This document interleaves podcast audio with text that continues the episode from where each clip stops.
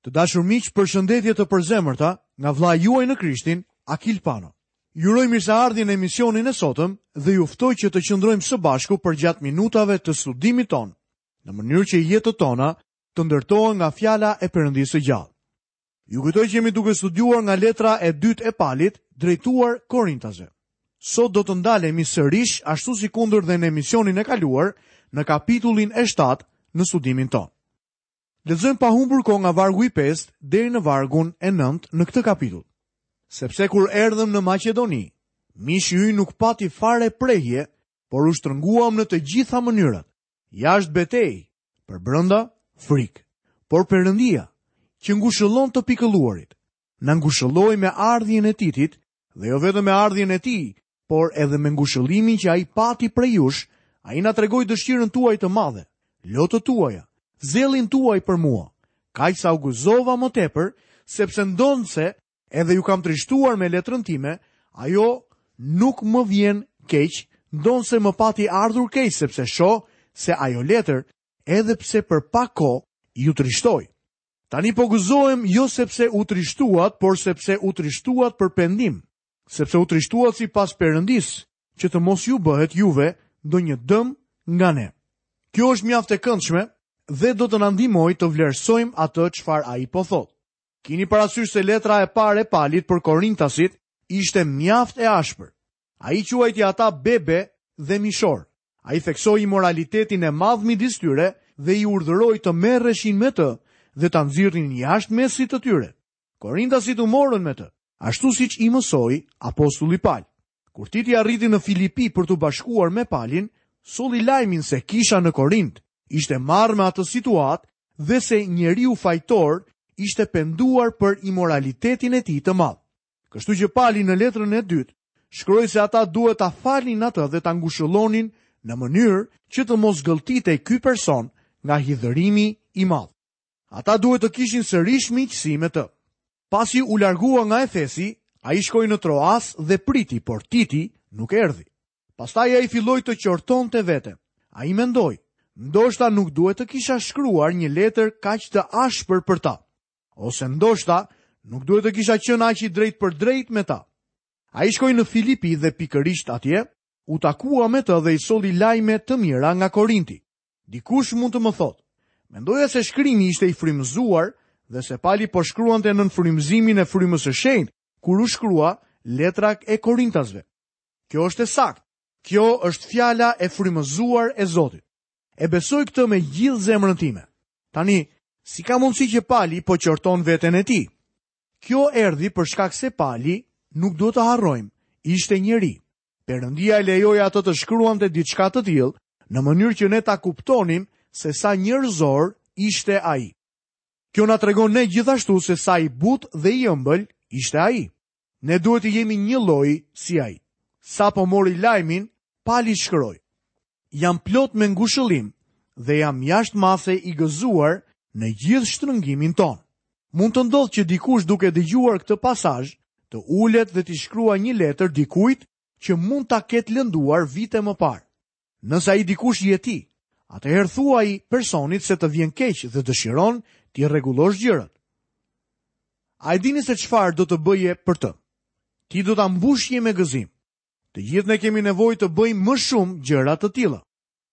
Pali bëhet shumë personal kur thotë: Kur erdhëm në Maqedoni, mishi ynë nuk pati fare prehje, por u shtrënguam në të gjitha mënyrat, jashtë betejë, përbrenda, frikë. Kjo është kaq personale sa që kam frikë që nuk duhet ta lexoj. Por Perëndia përdori një person për të ngushëlluar Palin. Por Perëndia që ngushëllon të pikëlluarit na ngushëlloi me ardhjen e Titit. Ju mund të ndihmoni ndonjë vëlla në Krishtin dhe të jeni ngushëllim për të. Miku im, Kur ka qenë hera e fundit që keni shkuar tek predikuesi apo pastori juaj, i keni hedhur dorën në sup dhe i keni thënë, Vëlla, jam lutur për ty. E shoh që po punon shumë dhe po qëndron për gjërat e Zotit, kështu që dua ta dish se edhe unë po qëndroj me ty. Ai do ta vlerësonte këtë gjë. Pali vazhdon. Dhe jo vetëm me ardhjen e tij, por edhe me ngushëllimin që ai pati prej jush. Ai na tregoi dëshirën tuaj të madhe, lotët tuaja, zellin tuaj për mua, kaq sa u gëzova më tepër. Me fjalë të tjera, ju ngushëlluat Titin dhe ai më ngushëlloi mua. Një ditë, isha në një shërbesë kishe dhe një person erdhi tek unë dhe më tha. Vëllai im jeton në një qytet tjetër. Ai thotë se ka dëgjuar në radio për emisionet tuaja dhe predikimet varg pas vargu të Biblës. Dhe dua të them se vëllai im duke dëgjuar emisionet e tua ka pranuar Krishtin si Zotin dhe Shpëtimtarin e tij. Nuk e di se përse vëllai i këtij djali nuk më shkroi në mënyrë direkte, por në fakt ai shkroi vëllait të tij dhe vëllai i tij më tha mua. Më duhet t'ju them se jam gëzuar pa mas dhe jam ngushëlluar nga kjo gjë. Kjo më bëri të ditur se programet tona radiofonike janë diçka që ne duhet t'i vazhdojmë. Korintasit kishin thënë gjëra të mira për Palin. Miqtë e mi, Mos hezitoni të thoni gjëra të mira, të flisni pozitivisht për të tjerët. Gjuha juaj nuk do të këputet nëse thoni gjëra të mira. Sepse ndonëse edhe ju kam trishtuar me letrën time, nuk më vjen keq, ndonëse më pati ardhur keq sepse shoh se ajo letër edhe pse për pak kohë ju trishtoi. Tani po gëzohem, jo pse u trishtuat, por sepse u trishtuat për pendim. Pendimi dhe derdhja e lotëve nuk janë e njëjta gjë, sepse u trishtuat sipas Perëndisë që të mos ju bëhet juve ndonjë dëm nga ne. Lexojmë më poshtë në vargun e dhjetë. Trishtimi sipas Perëndisë në fakt, sjell pendim për shpëtim, për të cilin, njeriut nuk i vjen keq, por trishtimi i botës, shkakton vdekje. Këtu gjejmë përkufizimin e Zotit për pendesën, pendimin e vërtetë. Pendimi është ndryshimi i mendjes. Me aq sa mund t'ju them, i vetmi pendim që Zoti i kërkon të humburit është fjala besoj. Besoni në ndryshimin e mendjes, besoni në Zotin Jezu Krisht. Çfarë ndodh kur një person beson?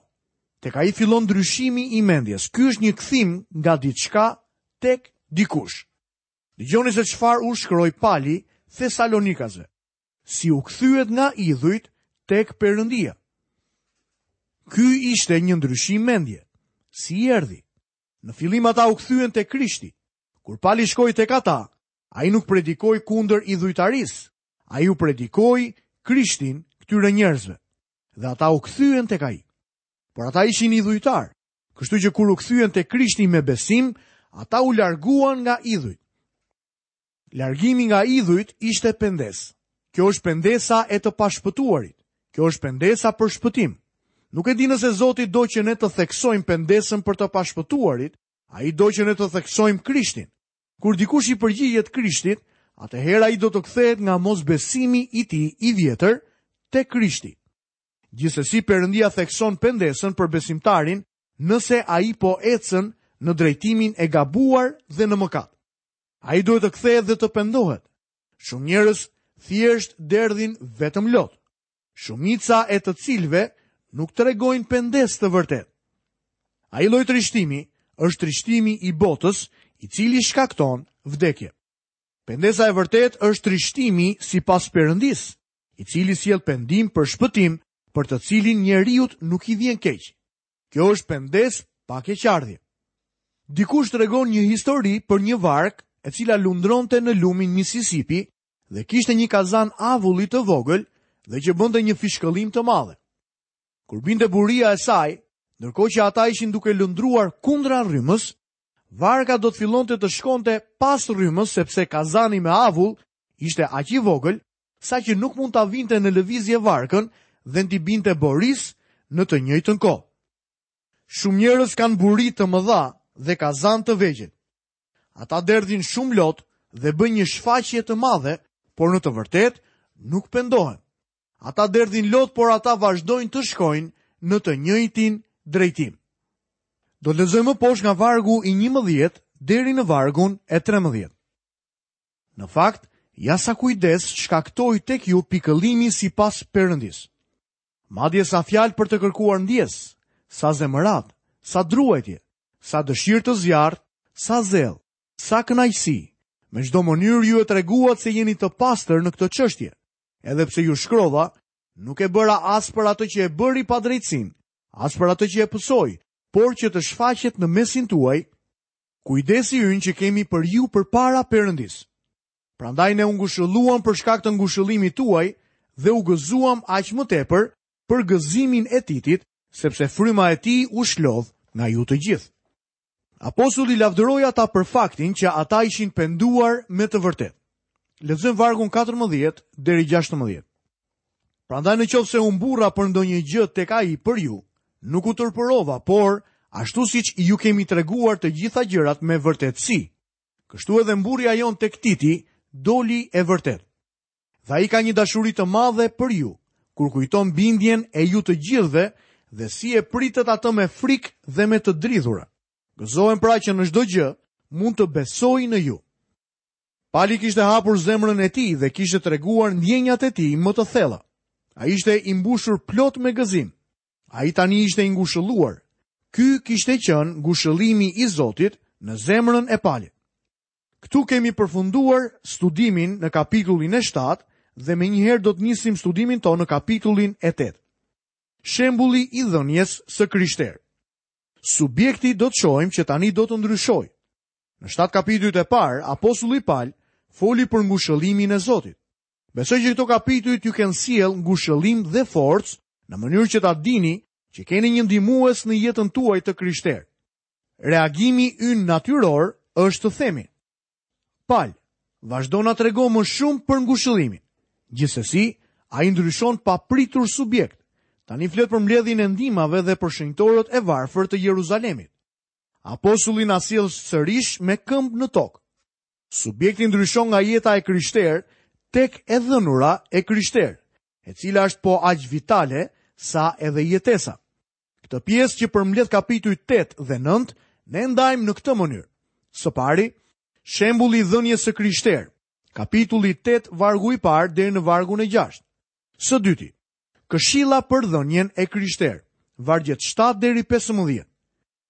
Shpjegimi për dhënien e krishterë ishte e treta, vargjet 16 dhe më pas në kapitullin e 9 deri në vargun e 5.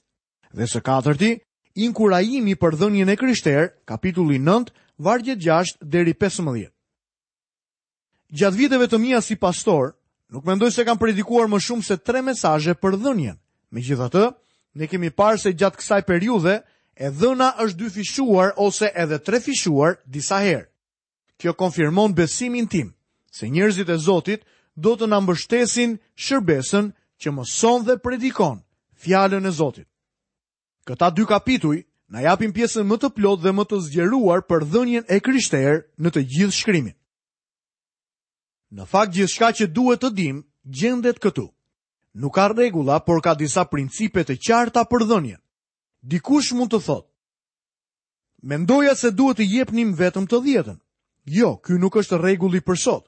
Ky ndoshta mund të jetë një princip që ti dëshiron ta ndjekësh, por nuk është rregull për askënd sot. Fjala e rëndësishme në këtë pjesë është fjala hir.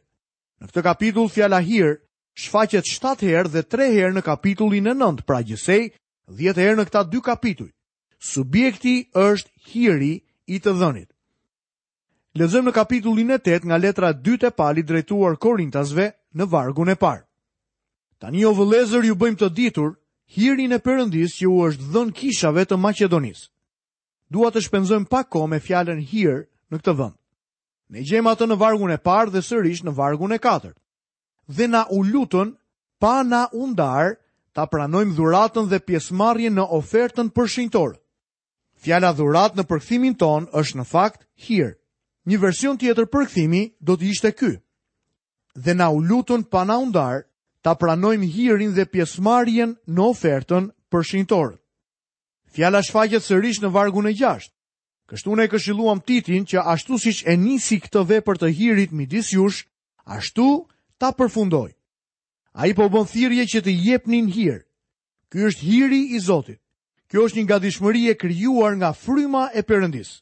Ai po u shkruan Korintasve dhe po u thotë se maqedonasit e kishin atë lloj hiri dhe ai shpreson që edhe Korintasit të kenë të njëjtin hir. Teologët e përkufizojnë hirin si favor të pamerituar nga Zoti. Jam dakord me këtë, por megjithatë nuk e përshkruan plotësisht këtë fjalë. Kjo gjë mund të na shkaktojë të humbasim gjithë shijen e saj. Para se të studioja Koinen, greqishten e shkrimit, kam studiuar greqishten klasike.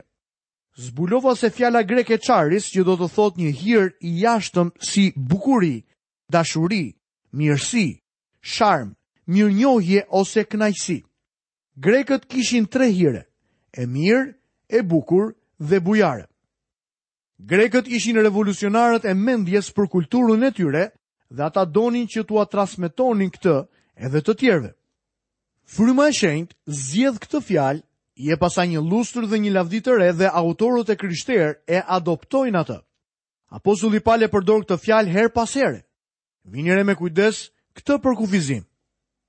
Hiri i Zotit është pasioni i Zotit për të ndarë të gjitha mirësitë e tij me të tjerët. Hir do të thotë që Perëndia do të na dhurojë gjëra të mira. Ai dëshiron që të na bëjë të mirë dhe fisnikë. Ai dëshiron që të na bëjë sipas imazhit të birit të tij. Ky është hiri për të cilin Pali shkruan tek Efesianët. Ju në fakt jeni të shpëtuar me anë të hirit nëpërmjet besimit dhe kjo nuk vjen nga ju, por është dhurata e Perëndisë, jo nga vepra që të mos mburret askush. Ne ishim mëkatarë të humbur. Ne nuk kishim asgjë për t'i ofruar Zotit për shpëtimin tonë. Kështu që ai na shpëtoi nëpërmjet hirit. Ai kishte një pasion për të na shpëtuar. Ai na donte, por nuk mund të na falte në mënyrë arbitrare, sepse është një Zot i shenjtë. Ai duhet të siguronte një rrugë dhe rruga e vetme ishte që biri i tij të vinte dhe të vdiste për ne. Perëndia e deshi aq botën sa dha birin e tij të vetëmlindur. Perëndia jep dhe nuk merr. Ne duhet ta kuptojmë këtë gjë mjaft mirë. Ndonjëherë ne japim përshtypjen se Zoti është i varfër dhe se ai ka nevojë për dhuratat tona, por në fakt, ai nuk ka aspak nevojë, Perëndia nuk është i varfër. Ai thotë, të mijat janë në fakt tërë kafshët e pyllit. Imja është bagëtia që ndodhet me mijëra ndër male. I njoh tërë zogjtë e maleve. Dhe të gjitha ato që lëvizin në fusha janë të mijat. Po të kisha uri, nuk do ta thoja, sepse bota dhe sa ajo përmban janë të mijat. Psalmi 50, vargjet 10 deri 12, flet qartë që Perëndinë nuk e merr uria. Por edhe nëse do ta merrte, ai nuk do të na e thoshte. Perëndisë nuk i mungon asgjë. Kisha e hershme e konsideronte të dhënin një hir. Ai ishte pasion dhe një dëshirë e papërmbajtur për të ndarë gjërat e Zotit me të tjerët. Pali po shkruan specifikisht për një situatë lokale dhe ne duhet ta kuptojmë këtë gjë. Kisha e Jeruzalemit kishte qenë e para që kishte ndarë ungjillin. Ungjilli kishte filluar atje. Jezusi u kishte thënë dishepujve se ata duhet të ishin dëshmitarë për të në fillim në Jeruzalem. Apostujt e donin Jeruzalemin dhe përqafuan qytetin e tyre të dashur, derisa persekutimi i largoi prej tij. Ata u shpërndanë jashtë në Jude, Samari dhe deri në pjesët më të largëta të tokës. Kisha në Jeruzalem ishte e dobët për shkak të persekutimit. Në fakt, atje kishte krizë urie dhe kisha ishte goditur nga varfëria. Ndërkohë që Pali shkoi në këtë udhëtim të tretë misionar, ai mbledh një ofertë për kishën e Jeruzalemit. Kjo është mjaft revolucionare. Kishat e misionit po dërgojnë një ofertë për të ndihmuar kishën nënë. Sot ndodh e kundërta. Kisha nënë dërgon misionarë dhe i mbështet ata në fushat e huaja, por në kohën e Palit, Fushat e huaja mbështesnin kishën nënë. Pali nuk ishte akoma gati për të shkuar në Korint, kështu që në këtë letër u dërgon udhëzime në lidhje me të dhënin. Ai ka për qëllim të vijë në Korint, por u thotë se nuk ka nevojë për ndonjë mbështetje dhe nuk do që të mblidhet oferta kur ai të jetë atje. Kjo mbledhje duhet të bëhej më parë në mënyrë që kur ai të vinte të kalonte kohë me mësimin e fjalës së Zotit. Ftesa e zakonshme që marr është të shkoj diku, të mbaj një takim dhe ndërkohë që jam atje, të mblidhet një ofertë dashurie për mua. Nëse do të bëhej ashtu siç sugjeroi Pali, atëherë oferta e dashurisë do të merrej përpara se të vinte ungjilltari ose mësuesi i Biblës për të folur. Besoj se ju kam paraqitur të gjitha ngjyrat e situatës lokale dhe sfondin e udhëzimeve të kësaj letre. Faktet e situatës lokale kanë kaluar tani në histori, por principet që vendosi Pali qëndrojnë akoma. Unë besoj se ato janë të mprehta dhe të freskëta, sikur Pali t'i kishte thënë sot. Në vargun e parë, Pali citoi besimtarët maqedonas si një shembul për dhënien e krishterë. Kjo i referohet kishës në Filipi. Në vargun e dytë, ai rendit motivet e tyre dhe metodat e të dhënurit. Lexojmë më poshtë në vargun e dytë se në mes të shumë sprovave pikëllimi, mbushullia e gëzimit të tyre dhe varfëria e tyre e thellë e treguan në pasuritë e dorëgjerësisë e tyre. Vini re se maqedonasit dhanë nga varfëria e tyre e thellë. Ata nuk kishin pasuri. Ata nuk dhanë nga tepricat e tyre ose nga bollëku. Ata dhanë nga varfëria e tyre. Kam frikë se ne nuk dimë shumë për këtë lloj dhënieje sot. Lexojmë vargun e tretë dhe të katërt. Sepse unë dëshmoj se ata kanë dhënë me dëshirë dhe sipas mundësisë së tyre, madje edhe përtej mundësive të tyre dhe na u lutën pa na u ndarë ta pranojmë dhuratën dhe pjesëmarrjen në ofertën për shenjtorët. Do të ishte më e saktë të përkthehej kështu. dhe na u lutën pa na u ndarë ta pranojmë hirin. Dhurata që kishin marrë ishte një hir dhe miqësi, që do të thotë se ata po ndanin gjërat e Krishtit. Ne nuk mund ta kuptojmë dashurinë që kishin ata në atë kohë për njëri-tjetrin. Në kishën e sotme, ne flasim shumë për veprime sociale. Më duhet të rrëfej se kjo gjë është zhdukur nga sytë në kishat fundamentaliste. Është e mrekullueshme t'i japësh misionit, Por a duhet t'i lëmë pas dore njerëzit e bashkësisë sonë që janë në nevojë? Shumë prej tyre madje nuk duan që nevojat e tyre të njihen në kishën lokale, sepse e dinë se do të bëhen objekt thashethemesh në kishë. Ata nuk duan të pranojnë ndihmë sepse mendojnë se është turp. E kam zbuluar këtë gjë në shërbesën time. Ndonjëherë ia kam fshehur udhëheqësisë apo grupit emrin e personit në nevojë. Komiteti donte të dinte se kujt do t'i shkonte ndihma, por kjo gjë ishte disi e rrezikshme sepse nëse ata nuk do të ishin besnikë, atëherë fjalët do të shkonin te gratë e tyre dhe pas pak kohe në të gjithë kishën.